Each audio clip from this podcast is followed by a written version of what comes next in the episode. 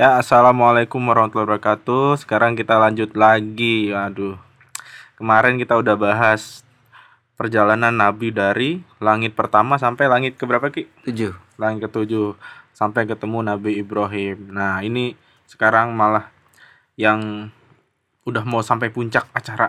Puncak acara. ya. Puncak acara kita Eh, ke Sidratul Muntaha terus ke Eh, Sidratul Muntaha, kemudian Mustawa dan terakhir sampai ke Arsh. Ars. Di situlah nanti eh, di mana Nabi bertemu dengan Allah Subhanahu wa Allah taala. Subhanahu wa taala secara langsung. Oke. Eh Datu Ki, kemarin kan udah ketemu Nabi Ibrahim dan, Mm-mm, dan umatnya. umatnya betul sekali. Terus mau berangkat lagi tuh. Nah, sekarang Nabi Muhammad dan Jibril kemudian diangkat lagi ke tangga ke-8 yaitu menuju Sidratul Muntaha. Wah, Tahu nggak lo Sidratul Muntaha itu kira-kira kayak gimana? Enggak, artinya dulu deh Sidratul Muntaha itu ada nggak artinya? Artinya ad- ada sih. Ah. Sidroh gua artinya lupa. Kalau Al-Muntaha itu yang paling akhir. Oh, yang paling akhir. Ya, gitu.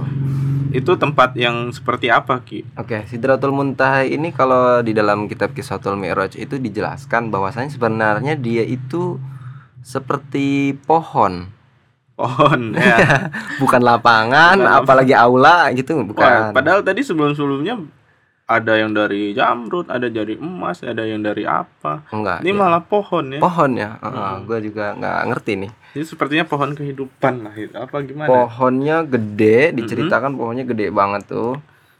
Menjulang tinggi. Ini ada ada apa namanya? beberapa banyak versi sih. Ada yang bilang kalau Sidratul Muntaha ini akarnya gitu istilahnya. Iya. Akarnya atau pangkal pohonnya itu ada di langit ketujuh terus menjulang tinggi sampai ke atas. Ada yang bilang ini akarnya tuh sebenarnya di langit keenam, tapi menjulang tinggi sampai ke atas langit ketujuh bahkan sampai ke surga gitu. Itu baru Ada. akarnya ya. Iya. Ini banyak beberapa versi gitu. Ada juga yang bilang sebenarnya akarnya di bumi, tapi kita nggak tahu nih pohon mana sebenarnya kan.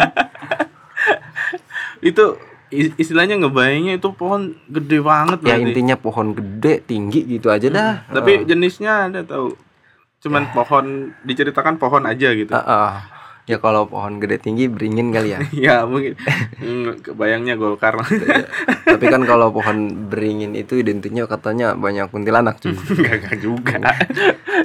Tapi di di kampung gua begitu. Orang bilangnya kalau pohon beringin ini pasti ada kuntilanaknya. Yang serem-serem mah pohon apa aja gue lewat ngeri. Iya sih. Kalau sendirian mah ngeri juga sih. Berarti ini pohon gede banget nih. ya. pohon gede banget Mm-mm. eh itu tuh sebenarnya tempat segala takdir atau kodar gitu Iya. Se- tempat segala takdir dari atas dari Allah Subhanahu Wa Taala yang nantinya akan diturunkan ke bumi itu lewat lewat Sidratul Muntaha ini Oh, pohon lewat Sidratul Muntaha. ini Heeh. dan juga tempat segala amal perbuatan manusia yang amal baik itu nanti akan naik nah sampainya di Sidratul Muntaha juga Oh, amal baik Gitu. kita akan nyampe ke Sidratul Muntaha. Iya, seperti itu. Nah, diceritakan juga dari akar atau dari pangkal pohon atau bisa disebut juga tunas kali ya. Iya. Itu dari tunasnya si pohon Sidratul Muntaha atau akarnya atau pangkalnya keluar empat mata air. Oh, di sana ada mata air juga. Mm-mm, itu keluar empat macam mata air yang nantinya akan jadi sungai. Dari pohonnya itu keluar air gitu. Iya, mata air. Oh. Mm-mm. Bukan dari tanah, dari pohon. Dari pohon, dari pohon, dari Oh. akar pohon. Ya walam di sana ada tanah apa enggak? Iya juga. Oh, ya. maksudnya keluar gambarannya kurang lebih gitulah kalau di bumi kan tanah tuh Mm-mm. Heeh, keluar dari tanahnya kan gitu. gue ngebayangin kan kalau pohon pasti di tanah gitu kan. iya kurang Ini, lebih ini gitu mungkin sih. pohonnya spesial ini. spesial lah pasti Tapi dari pohon keluar air, pancuran air Mm-mm. sebanyak empat mata Empat air. macam nah mata air yang pertama atau yang nantinya akan jadi sungai itu nanti kita sebut aja sungai gitulah ya sungai pertama itu sungai yang dialiri air bening jernih yang rasanya itu nggak pernah berubah rasa warna bau nggak pernah berubah Rasa rasanya ya rasa kayak air biasa kan, air putih gitu. gue belum ngerasain cuy Enggak, maksudnya disebutin enggak di situ? Enggak, enggak Ada disebutin. rasa manis atau enggak, rasa enggak, apa? enggak ada enggak disebutin rasa apa manis apa tawar ataupun pahit enggak ngerti. Terus, Nah, tapi kalau ada orang yang meminum itu, ya. itu air, maka keringat-keringat yang keluar dari badan orang yang meminum itu harum bagaikan aroma minyak misik. Oh. Ini jadi harum ya. Kalau gue minum aqua mah masih aja bawa-bawa keringet gitu. Apalagi minum yang ada manis-manisnya gitu. Tetap aja bau keringat. Tetap aja bau keringet gitu. Ya kalau ma- ngomongin masalah keringat kita tanya aja sama guru-guru olahraga lah atau Iya. atlet itu Ya gimana Romi kali, caranya. Romi, Romi. Terus Kemudian mata air selanjutnya. mata air selanjutnya keluar atau dialiri air susu yang tak pernah berubah rasa warna maupun baunya juga. Berarti yang pertama tadi air bening, terus selanjutnya yang kedua air, susu, air susu. yang ketiga arak yang lezat, arak yang lezat cuy. Nih ya. Dan yang keempat belum pernah adalah nyobain gua. Jangan dipaksa-paksa lah. alhamdulillah gue juga belum pernah dan jangan sampai. Soalnya kalau arak di bumi kan haram. kalau arak di sana makan lezat katanya. Iya. Dan yang terakhir itu sungai yang dialiri air madu yang murni. Nah, ini berkaitan juga dengan eh, gelas-gelas yang waktu di Masjidil Aqsa ataupun di langit ketujuh itu Nabi ditawari gelas-gelas yang berisi air-air ini kan. Ah, Nah, itu sebenarnya air-air itu tuh berasal dari sini. itu yang bawa Jibril. Yang bawa Jibril. Oh, berarti Makanya Udah disiapin lah. udah Jibril. disiapin betul sekali. Kan rundownnya udah jelas Jibril. Iya, udah oh, sampai udah. sampai, aja- perlengkapannya juga udah Ah, jelas. ah, iyalah. Seksi perlengkapan juga. PIC seksi perlengkapan, tour guide, ah, semuanya buat Jibril. Tapi malaikat Jibril mampu banget begitu. ya mampu banget. Udah biasa. Udah biasa. Kalau kita kita, Tuh kita kita jadi panitia ya. kok curhat sih jadinya kita. Nah, pohon Sidratul Muntaha ini sangat besar dan tinggi kan. Mm-mm. Bahkan kalau ada orang yang berkendara pakai unta tapi ini ya, Ya. hitungannya pakai unta bukan pakai motor apalagi MotoGP itu. ini butuh waktu 70 tahun tapi tanpa jeda istirahat ya. Iya. 70 tahun tanpa jeda istirahat untuk dapat mengitari bayangan pohonnya ini doang. Gede banget kan. 70 tahun Ki. 70 tahun lu berkendara loh. Tapi kalau keliling itu iseng juga sih. Ya cobain lah. Tapi kalau pengen ngelihat empat mata air itu kan gimana? Harus kudu ngiterin-ngiterin juga kan. Iya, makanya orang-orang yang suka tur eh, jauh-jauh pakai eh, apa namanya? klub-klub motor, cobalah sekali-kali cobain ngiterin Sidratul Muntaha. 70 tahun udah meninggal duluan. Nah, kemudian buahnya dari pohon Sidratul Muntaha ini. Ya. Oh ada ini buahnya juga. Ada buahnya juga, cuy. Hmm. Bagaikan kilah. Kilah itu artinya apa ya?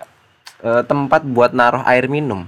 Apa? Kendi. Kendi. Oh bentuknya kayak kayak kendi. ya? Kayak kendi mungkin ya gitu. Kayak kendi. Secara rupa nih. Ah, secara rupa. Mm-mm. Tapi kendinya daerah Hajar. Daerah Hajar itu daerah dekat Madinah. Hmm. Nah, satu kilah itu sama dengan 250 ritel Baghdad. Nah, satu ritel Baghdad itu sama dengan 408 gram. Jadi, satu kilah sama dengan 102 kilogram. Iya. Nah, Gede kalau juga. ini itu buahnya banyak banget kan. Mm-mm. Jadi satu buah itu yang tumbuh dari pohon Sidratul Muntaha itu kira-kira beratnya 102 kilo. Sekarung ya. Sekarung beras lah kira-kira berat. Ya itu buah apa itu udah mau- Ukuran ukurannya berapa? Ukurannya gede. ukurannya gede. Nah, Hmm. ini kalau dari sisi berat, kalau buah kan biasanya kita beli Berapa kilo nih berapa bang? kilo ya kan. ya. Nah, ini beratnya itu 102 kilogram satu buah. Makan buah itu aduh, Sekampung kenyang. ya. kampung kenyang. Kemudian bentuk daunnya sekarang. daunnya. Bentuk daunnya itu bagaikan telinga gajah dari sisi bentuk.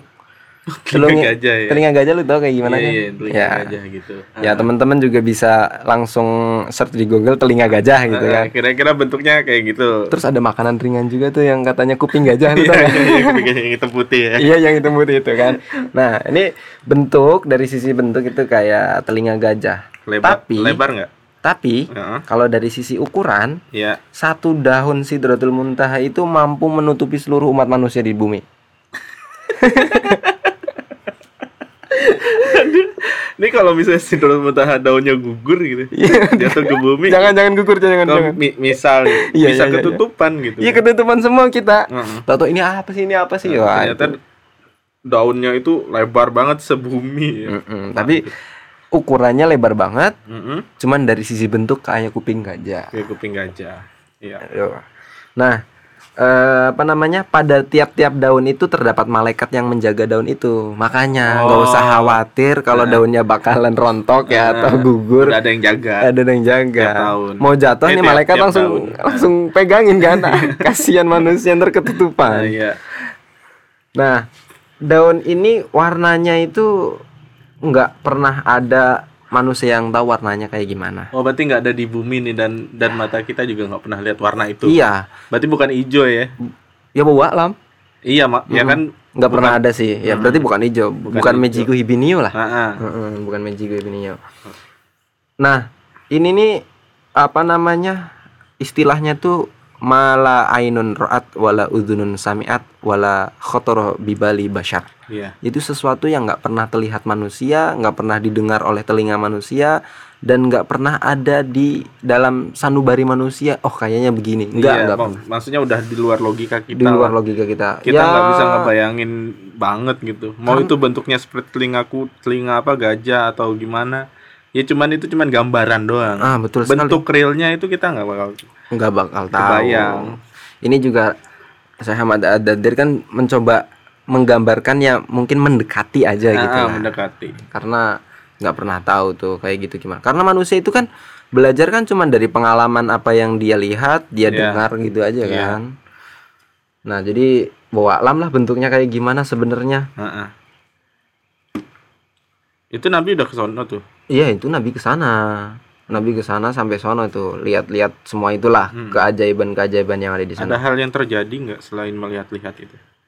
nah hal yang terjadi itu eh, nanti ketika mau naik dari dari dari pohon ini istilahnya dari pohon dari bawah Hmm. nabi itu nanti naik Oh naik ke atas pohon. nanti Mm-mm. tapi nggak manjat juga sih Iya maksudnya ya gimana kita juga nggak kebayang iya gitu. kita ya. nggak juga kan. tapi yang jelas ini pohon kalau ada eh, daun daun ini kalau ada yang menutupi Hmm. gimana ya bahasanya ya?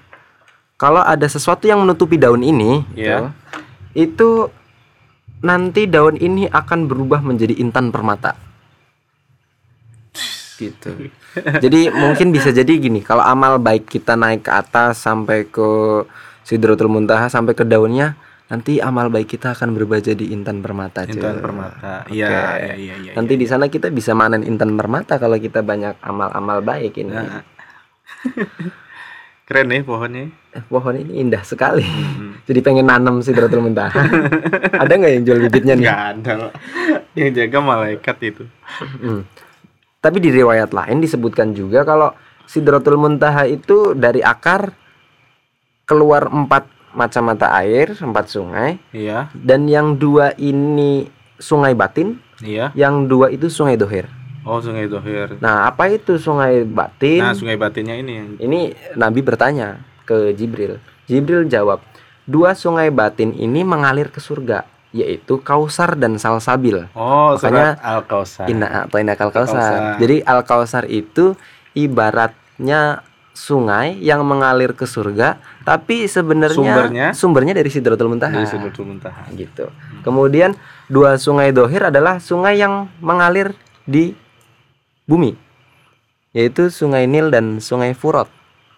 Sungai Nil gue tahu. Sungai Furat di mana? Sungai Furat itu kalau nggak salah memanjang dari Turki sampai Irak. Oh Jauh ya?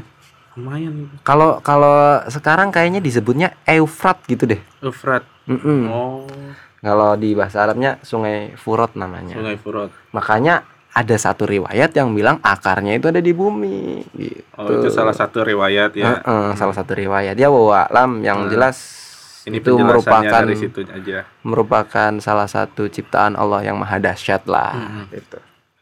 Nah di sini di Sidratul Muntaha ini Nabi melihat wujud asli Jibril. Oh jadi selama ini Nabi belum lihat secara real bentuk Belum. aslinya. Belum, belum. Pas di Sudah Muntah berubah tuh. Iya berubah ya kan istilahnya eh, Tony Stark tiba-tiba pakai baju Ironnya kan short gitu. Wah, jadi agak kaget juga nih. Oh begini aslinya. Malaikat di- apa malaikat Jibril ya? Oh Heeh. iya. Nah malaikat Jibril itu dijelaskan dia mempunyai 600 sayap. Banyak banget. Aduh, itu burung kalau sayapnya berapa sih burung? Eh dua, Dua sepasang, ya? pasang. Dua ya? Ini 600 sayap berarti kanan 300, kiri 300. Bisa jadi begitu. Mm-mm. Nggak mungkin dong beda. Ini ser- Tumpuk di kanan doang ya enggak. Masa di kanan misal 500 di kiri 100 Iya. itu kan ntar jadi jomplang. Jomplang. 600 sayapnya. Aduh. 600. Tiap-tiap sayap satu ya satunya. Satunya itu mampu menutupi jagat raya. Satunya.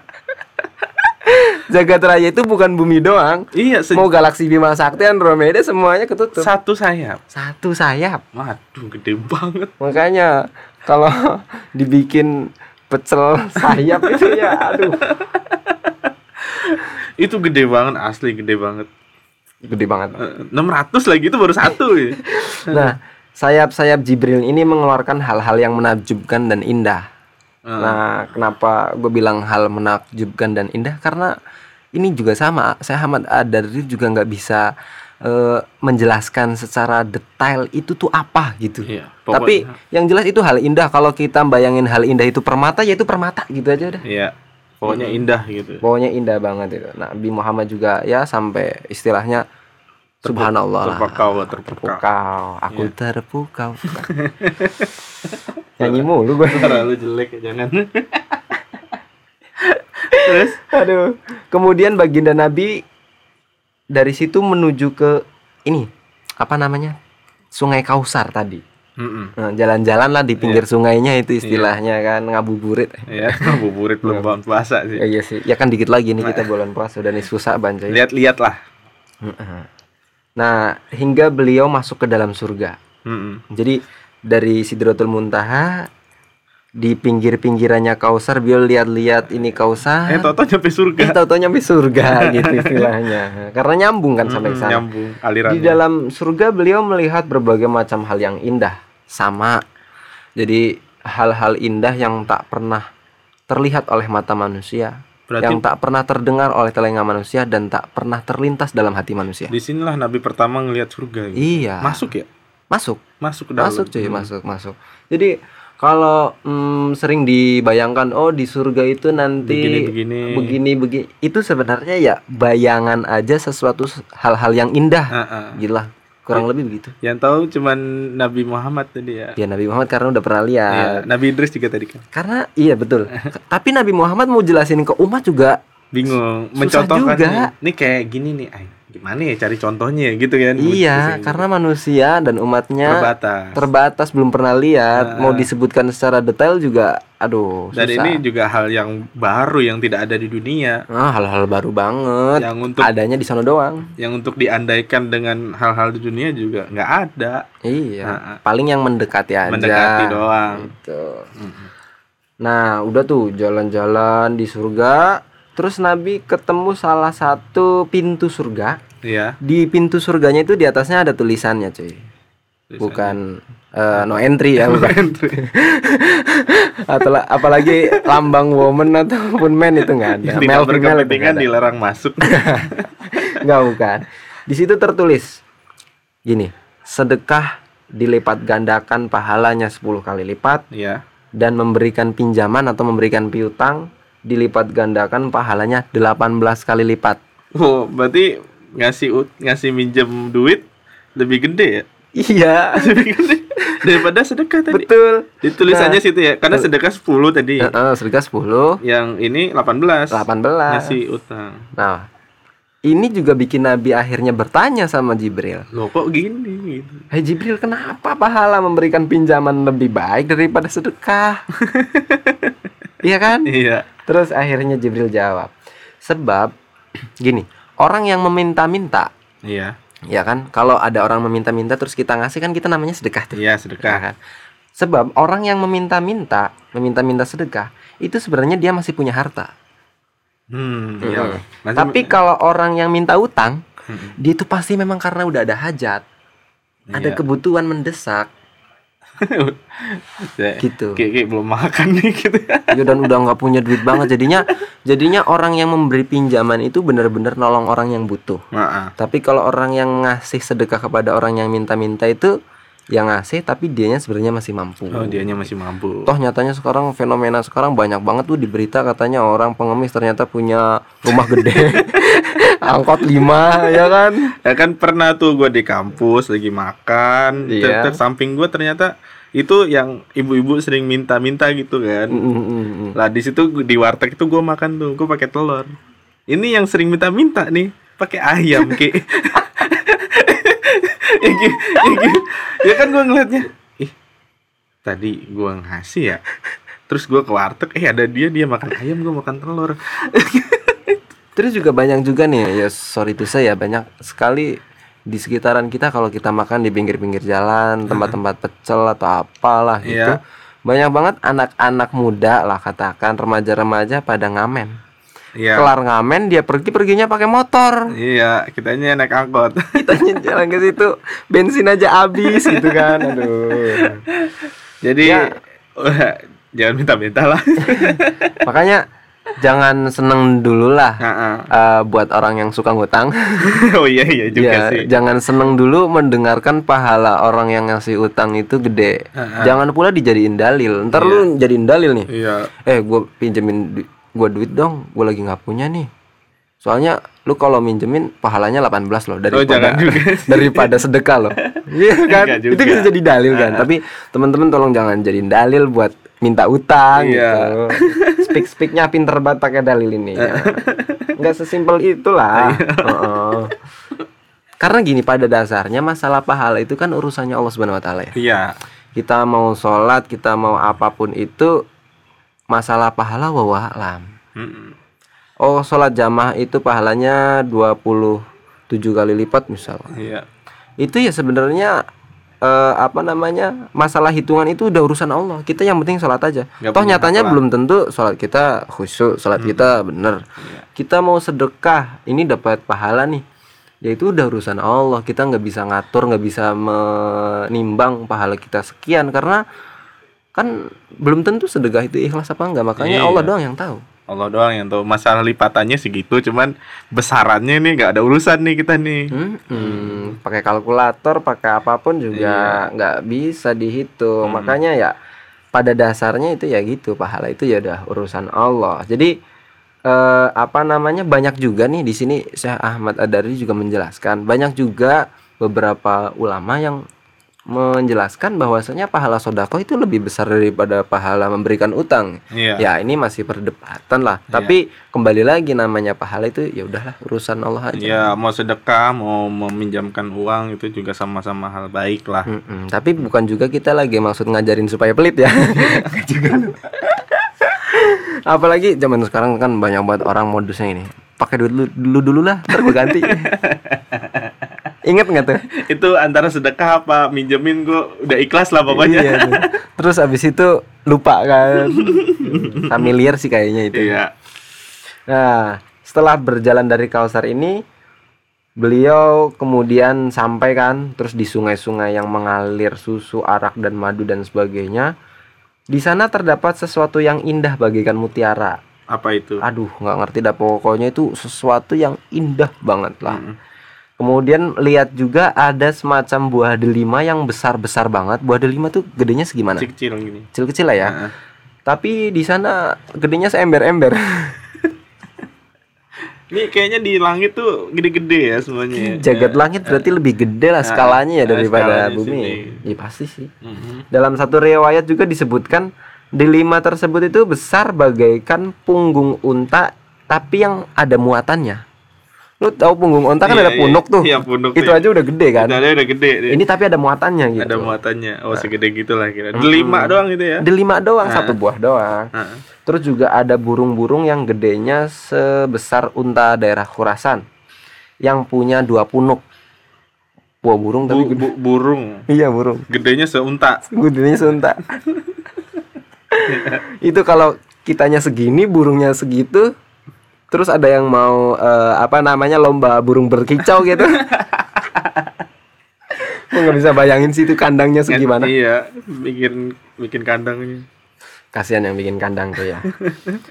Bahkan saat Nabi selesai Isra Mi'raj itu, Iya. nanti itu ketika udah selesai Isra Mi'raj pernah ngobrol sama Abu Bakar. Abu Bakar ini per- pernah pernah bilang gini, "Ya Rasul, burung itu tuh pasti kayaknya enak banget tuh dagingnya tuh." Nih, Abu Bakar nanya ya. Iya, Bakar nanya sambil berandai-andai itu kayaknya enak banget tuh dagingnya tuh. Iya, aku juga memakannya kata Na- Nabi. Oh, dimakan. Nabi memakannya dan itu enak banget. Saya harap engkau nanti akan memakannya juga, Hmm. Abu Bakar, karena dagingnya stop markotop gitulah istilahnya. Nanti di surga boleh makan nih. Boleh lah. Boleh. Nanti lapar di sono ya. Tapi nggak habis sendirian Ki. nggak habis lah. Bareng-bareng kita pakai talam gitu. Sekampung lah ngabisin burung. Heeh. Kemudian Nabi juga diperlihatkan Adam batu mutiara, Hmm. batu mutiara besarnya kayak kubah. Kayak kubah masjid itu kan gede banget tuh. Masjid Istiqlal kali lah ya dijual di sini kalam masjid Kubamas nih masjid apa Dian Al-Mahri. masjid Mutiara ya Masjid Mutiara gitulah kita bilang. Aromanya tuh wangi banget, harum banget, bagaikan misik adfar. Misik adfar itu minyak misik yang wanginya tajam. Heeh. Hmm, setajam silet. silet Nah, kemudian setelah itu Nabi diperlihatkan juga neraka. Biar imbang Aduh, dong. iyalah habis kalian Itu Idris saja lihat surga, Surga. dan neraka. Heeh. Nabi Muhammad lihat juga nih Lihat juga neraka. Nah, ketika sampai di neraka itu Nabi melihat eh, apa namanya? bekas-bekas kemurkaan Allah Subhanahu wa taala. hmm. Bentuknya Oh, bentuknya ya serem. iya Iya neraka cuy neraka lah itu bentuk-bentuknya pasti seram nah di sana itu ada batu yang kalau batu itu dilempar ke dalam neraka pasti meleleh batu aja meleleh ya. Nah, apalagi dagingnya lagi daging. Mateng cuy. Aduh. Batu besi itu kalau dilempar langsung meleleh. Makanya tukang pandai tau lu tukang pandai Iya. ya kan yang bikin keris itu empu-empu itu bikinnya di neraka cepet itu Tegang kering daripada di sini manasin. Manasin ya. lama. Ini mah Manasin tinggal lama banget. lewat doang dikit set udah meleleh gitu. Mm-mm. terus? Nah kemudian lihat neraka tuh Nabi juga melihat orang-orang yang sedang memakai eh sorry orang-orang yang sedang memakan bangkai. Bangkai ya. Ini makan bangkai lagi nih. Terus Nabi bertanya itu siapa mereka Jibril? Mereka itu orang-orang yang suka memakan daging manusia.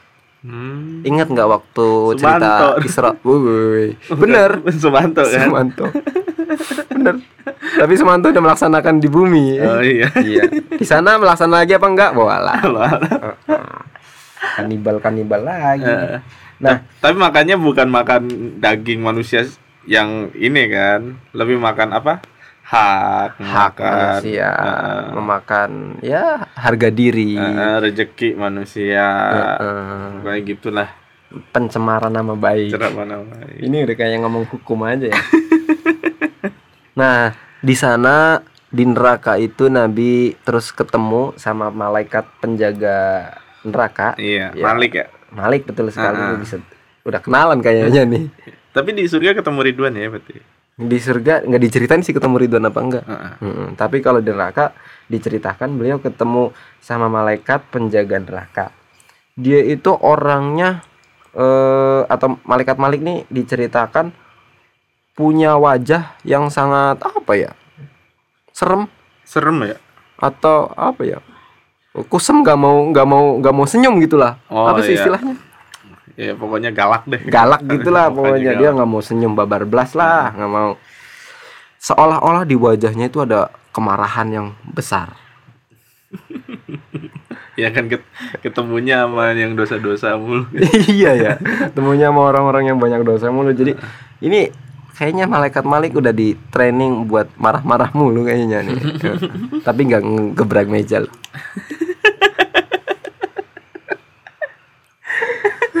belum tahu ada meja di sana apa enggak. Iya sih. Ya kalau ada meja juga kebakar juga kan. Kemudian Nabi eh, salam lah kepada dia. Mm-mm. assalamualaikum. Pelan-pelan kayaknya. Iya. lihat lihat mukanya udah ada serem. Terus dia jawab salam Oh, si dijawab. malaikat Malik jawab salam tapi Ma- Malaikat. Malik udah tahu nggak itu Nabi Muhammad tahu oh udah tahu tahu. Oleh karena itu, ketika Nabi salam, yang tadinya Nabi udah lihat keadaan neraka Heeh. sama malaikat Malik pintu neraka ditutup. Jangan lihat lah. Enggak kan? Iya. gitu jangan lihat lah. Ini Serem dalam rangka memuliakan Nabi karena Ah. Nabi nggak bakalan masuk ke sini udah. Iya. Nggak bakalan udah sampean nggak usah lihat yang begini-begini. Sampean itu pantesnya Lihat lihat yang baik-baik Lihat gitu. surga. Jangan yang lihat-lihat inilah. Ini mah dapur belakang jangan dilihat udah. Tapi di di salam gitu senyum nggak Nggak. malaikat Malik? Nggak senyum Tetep bablas. ya. Tetep aja mukanya mah muka serem mah gitu. Tapi gitu. bukan berarti dia nggak seneng Nabi datang. bukan, memang udah cetakannya begitu. Ah, bener-bener gayanya begitulah. Gayanya begitu. Style marah-marah mulu ya Ah. kan. Tapi jangan dikait-kaitin sama orang-orang lo ya. kan nggak ada meja. Iya nggak ada meja. Kemudian setelah tadi ke apa surga dan neraka, Ya. balik lagi Nabi ke Sidratul Muntaha ke pohon lagi. Oh, tadi Ya. cuma ngeliat-liat doang. Lihat-lihat yang sekitaran ya. Review lah. Review. Ya semacam apa ya? Ya kayak Nabi Idris pengen tahu aja. Nah, pengen tahu aja. Kemudian balik ke pohon Sidratul Muntaha. Terus dari Sidratul Muntaha itu tiba-tiba ada semacam awan, Ada awan. awan kinton. Bukan.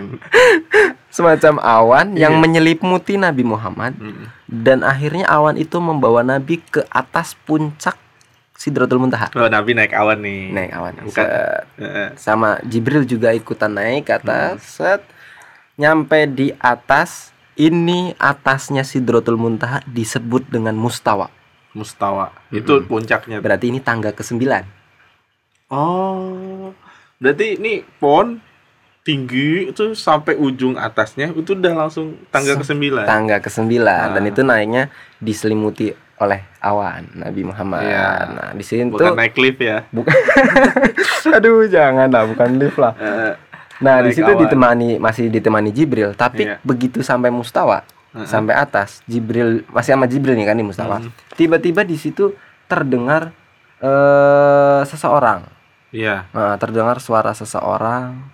Orangnya tuh kelihatan kelihatan ganteng, kelihatan baik, bahkan memancarkan sinar. Nah, siapa itu orang? Nah, terus Nabi tanya, "Itu siapa Jibril?" "Itu malaikat." "Bukan." "Itu Hmm. Nabi." "Bukan." Oh, bukan juga. Bukan. Terus siapa? Manusia juga bukan berarti. Nah, terus siapa itu? Itu tuh gambaran manusia.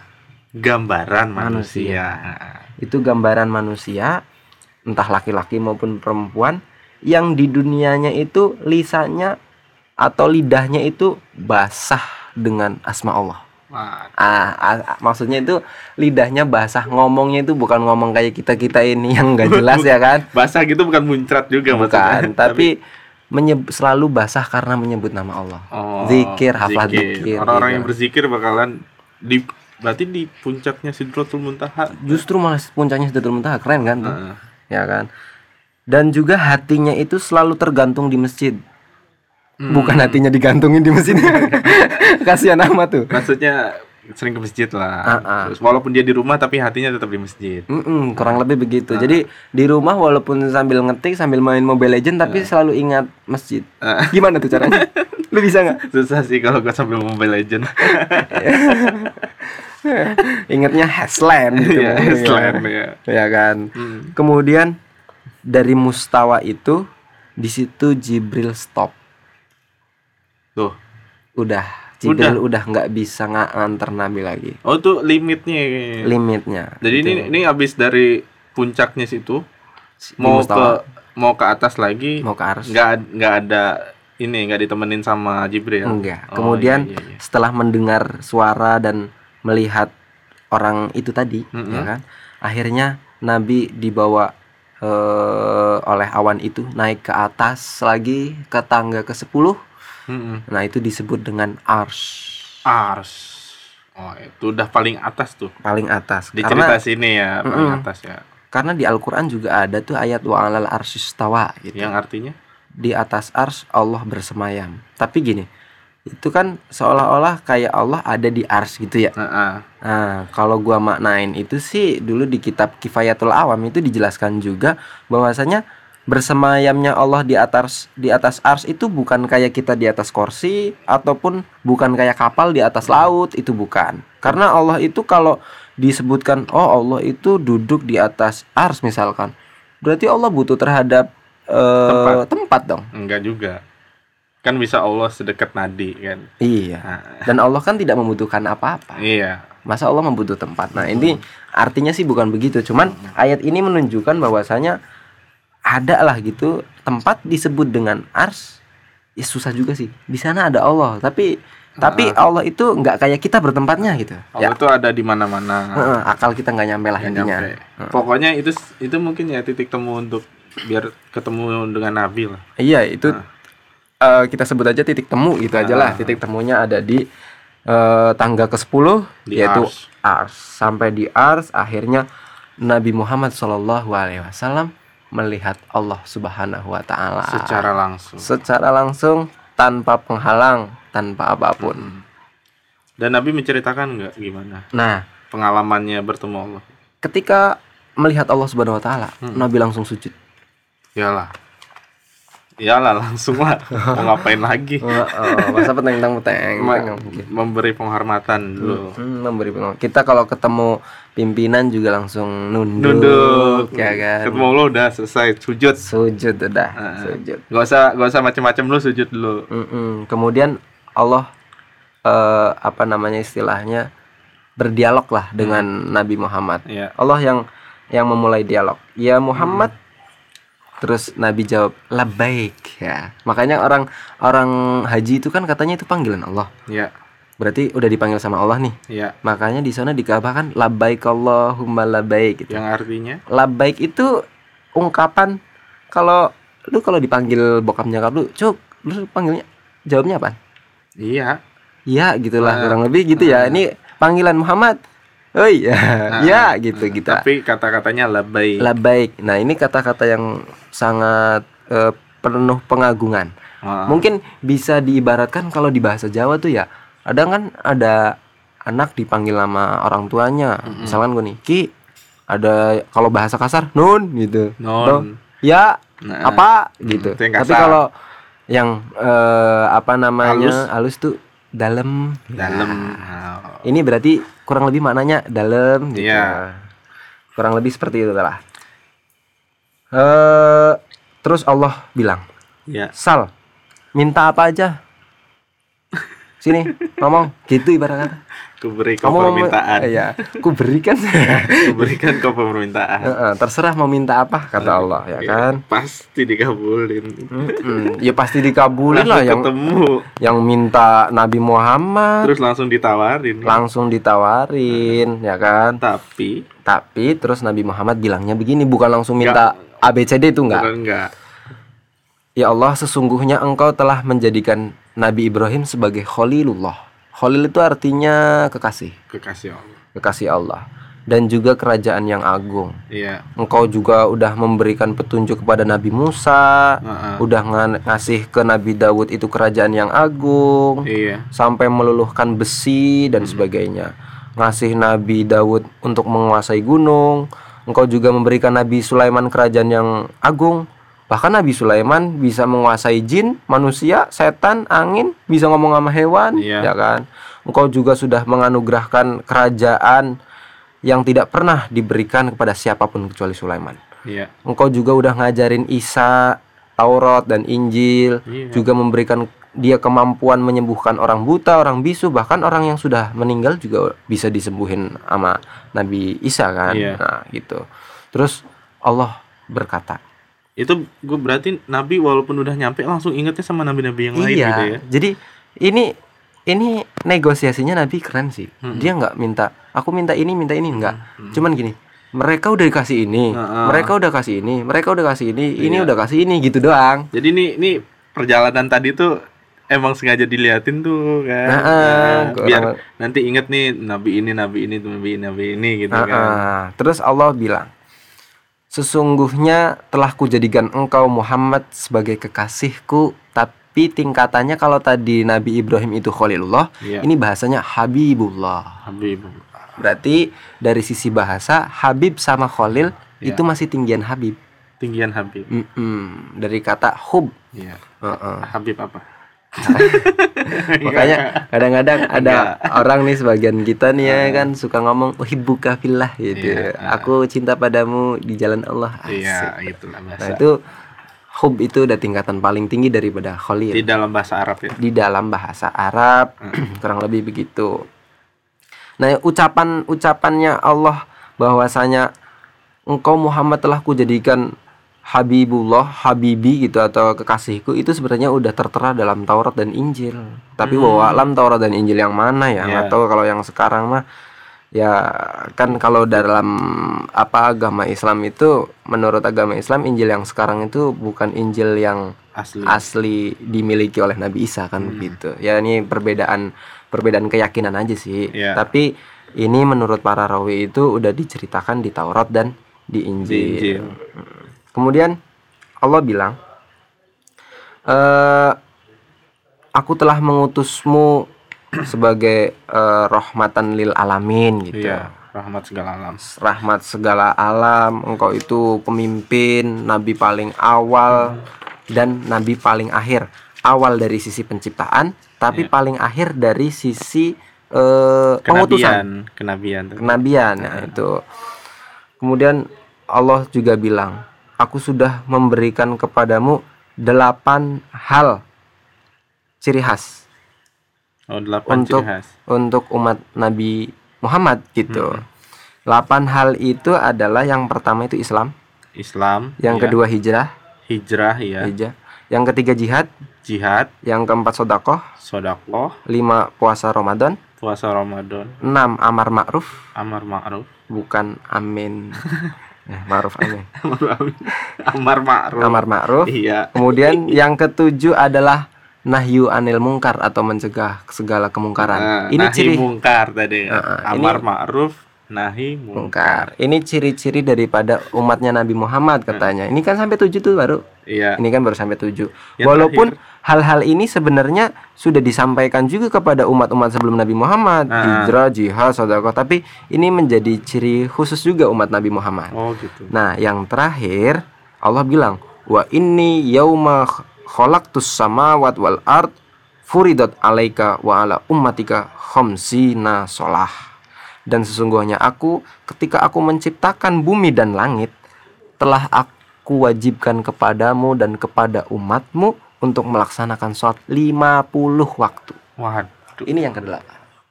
Jadi ini di antara 1 sampai 7 Nabi Muhammad oke, Oke, dapat. Dapat. Dan umat-umat sebelumnya juga dapat. dapat. Ini yang ke-8 ini. Delapan ini. 50 langsung disebut 50. 50 waktu. Tapi kan yang sekarang kita dapatkan 5. Lima. Nah, ini yang penasaran gue nih. Oke oke Eh. oke.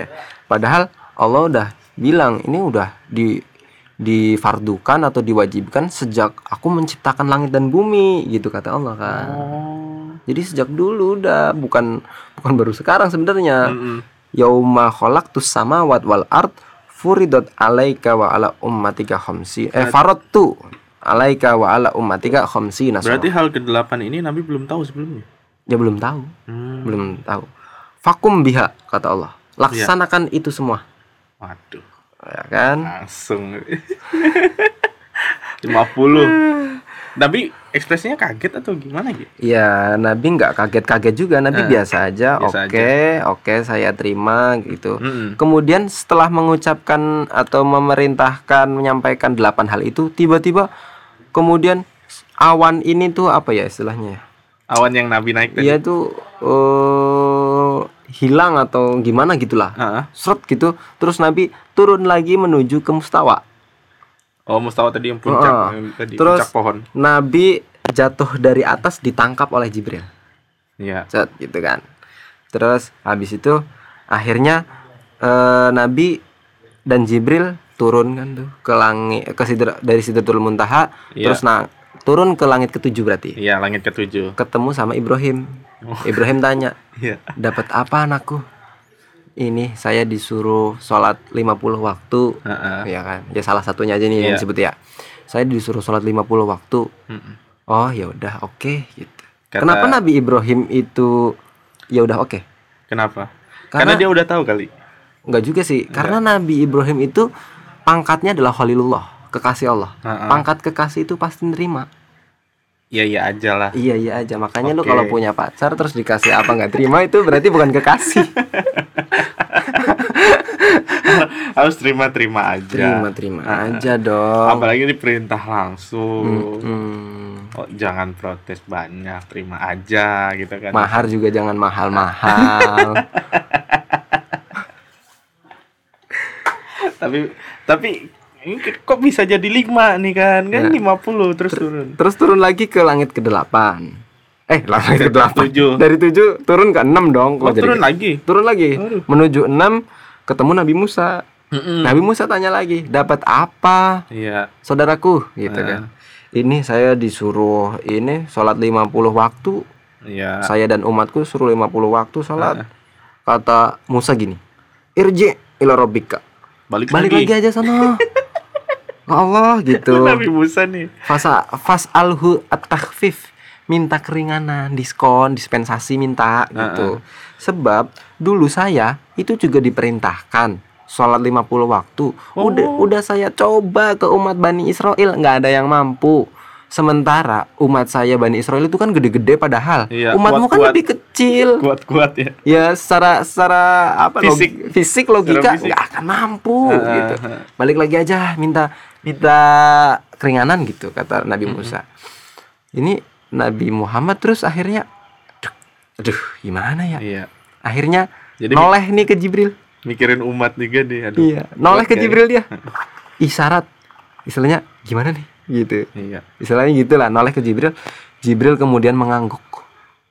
Hmm. Iya iya dah. Jadi sebenarnya dipikirin Nabi itu ya umatnya. Mm-mm. Kalau Nabi Muhammad mah Woi. sanggup-sanggup aja. Ayo ayo aja Ayo, lah. ayo aja 50 mah. Heeh. Mm-mm. Itu nengok ke Jibril. Jibril ngangguk, ya udah. Karena Jibril ngangguk, Jibril setuju ya udah. Akhirnya naik, lagi. naik lagi. Naik lagi Ini ke dia tujuh. Dari ke dari atas turun ke ke 6 naik Aras, lagi. Mustawa, tujuh, enam. Nah, dari enam naik lagi, tujuh. Kemudian Iya. Sidratul Muntaha ke pohon itu. Pohon tadi Dari pohon terus naik ke pakai awan lagi. Pohon, puncak pohon naik lagi ketemu Allah. Nah, naik lagi ketemu Allah. Aduh. Di ars gitu. Ini tuh gimana pengen nego tuh perasaannya gitu. Aduh. Ini masa gue nawar ibadah nih masalahnya hal baik masa gue tawar Kalau nawar baju sih oke ya. nawar baju di di pasar sih oke aja nih Iya. beda nih deg-degannya beda nih Heeh, Kemudian naik awan lagi kan tuh Heeh. sampai ke aras terus sujud lagi Heeh. sambil bilang Robbi khofif an ummati ini ngomong khofif an ummati artinya ringankanlah umatku oh. Bukan khofif anni gitu. Heeh. bukan ringankanlah aku gitu. Iya. kalau Nabi karena mampu. Karena mampu. Heeh. Fa Mikirin innaha adaful imam kata eh adaful umam. Kata Nabi fa innaha adaful umam. Karena umatku ini umat yang apa ya berat kalau buat ngelaksanin ibadah sebanyak itu Iya. gitu. kurang lebih gitulah. Terus akhirnya Allah bilang ya udah saya diskon kurangin 5 Digeragin. jadi 45 ya? 45 45 lumayan dong. Iya iya kurangin iya. 4 jadi 50 jadi 45 loh. Kalau beli sesuatu juga udah lumayan kan dapat diskon. Terus Nabi? Akhirnya ya udah Nabi. Oke Oke. matur nuwun. Iya. akan terima kasih. Terus turun lagi. Lewatin Mustawa lewatin Sidratul Muntaha lewatin Nabi Ibrahim. Sampai ke Musa lagi. Ditanya lagi sama Musa gimana gimana gimana? Gitu ya. Aduh Nabi Musa nih. Ya udah dikurangin kurangin 5 minta lagi kurangin. Iya. kurangin 5 doang 45 masih berat itu buat umatmu kata Iya. Musa. Tapi kenapa Nabi Musa Nabi Musa aja lah? Maksudnya Nabi Musa ikut juga gitu. Maksudnya? Nabi Musa ikut juga naik ke atas oh iya iya. Nggak mampu kayaknya. Hah? nggak mampu. Nggak mampu kan ya. yang cuman mampu ketemu Allah cuma Nabi kan Muhammad. Nabi Musa cuma ngelihat dari itu ya nurnya doang kan Ah, waktu ah, itu kan. ah, karena ah, ah. pernah doang. Ah, ah. itu juga ngobrol doang istilahnya bukan ketemu langsung. Kalau Nabi Iya. ketemu langsung dan ngobrol gitu Nabi Musa nih sebenarnya punya keinginan cuman kayaknya dia aduh nih yang yang mampu nih Nabi Muhammad doang nih iya gitu yang Jadi- mampu ke sana Ah, ah. Nabi Muhammad doang Iya. gua nggak kuat Ah, gitu ah. makanya mintalah sana gitu. nah ini kalau Nabi Ibrahim tadi kan nggak nyaranin untuk minta keringanan karena Iya. dia seorang kekasih Iya. jadi kekasih itu pasti terima Mm-mm. nah kalau Nabi Musa itu seorang kalim kalim itu ahli bicara Ahli juru bicara, Juru bicara kalam Gitu. ya. Heeh, ahli bicara, ahli negosiasi. Karena waktu itu kan Nabi Musa pernah ngobrol kan bermunajat di Iya. Bukit Tursina itu. Makanya Nabi Musa berani nyaranin untuk minta keringanan ngomong sama Allah. Oh, gitu. Iya, iya, Itu. Jadi bukan berarti Nabi Musa ini Musa gimana sih gitu. Iya, bukan. Karena itu memang makomnya Nabi Musa itu na- makom negosiator. negosiator. Kalau Nabi Ibrahim itu makomnya makom penerima, udah kekasih. Mau dikasih, mau disuruh potong anaknya, bunuh anaknya, terima aja. terima ya benar itu wow. Kan pas Is- Ismail mau dipotong lehernya, terima aja Nabi Ibrahim. Betul sekali itulah makanya disebut Khalil kekasih. Tapi kalau Nabi Muhammad Habib Habib. lebih tinggi lagi Iya. gitu. Terus akhirnya Nabi balik lagi, bolak-balik begitu terus kalau di kitab Kisatul Mi'raj disebutkan 55 kali. Bolak-baliknya. Banyak banget gini negonya ki. Gimana ya perasaannya? Istilahnya nih nih misalkan nih gue ke toko baju gue bolak balik sampai 55 kali gitu kan.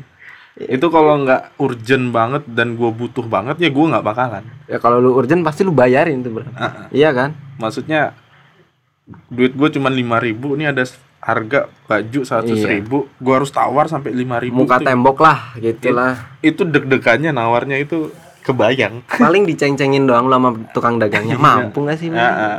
udah nih kasih kasih kasih satu aja lah udah senang gitu itu kata gitu itu nabi perasaannya pasti malu bukan nggak sembarangan ya buat nego sama Allah gitu. dan itu kepentingannya buat kita kita Iya, kepentingan juga ya Nabi mikirin umat. mikirin umat ya Kalau kita kita kalau dia doang mah sanggup aja. sanggup Sanggup. sanggup banget Mm-mm. tapi di kitab-kitab versi kitab lain contohnya kitab karyanya Imam Asyuyuti itu bilang kalau negosiasinya itu dari 50 menjadi 40 jadi 30 jadi 20 jadi 10 kemudian jadi 5 Hmm, lima Ya. kali ya.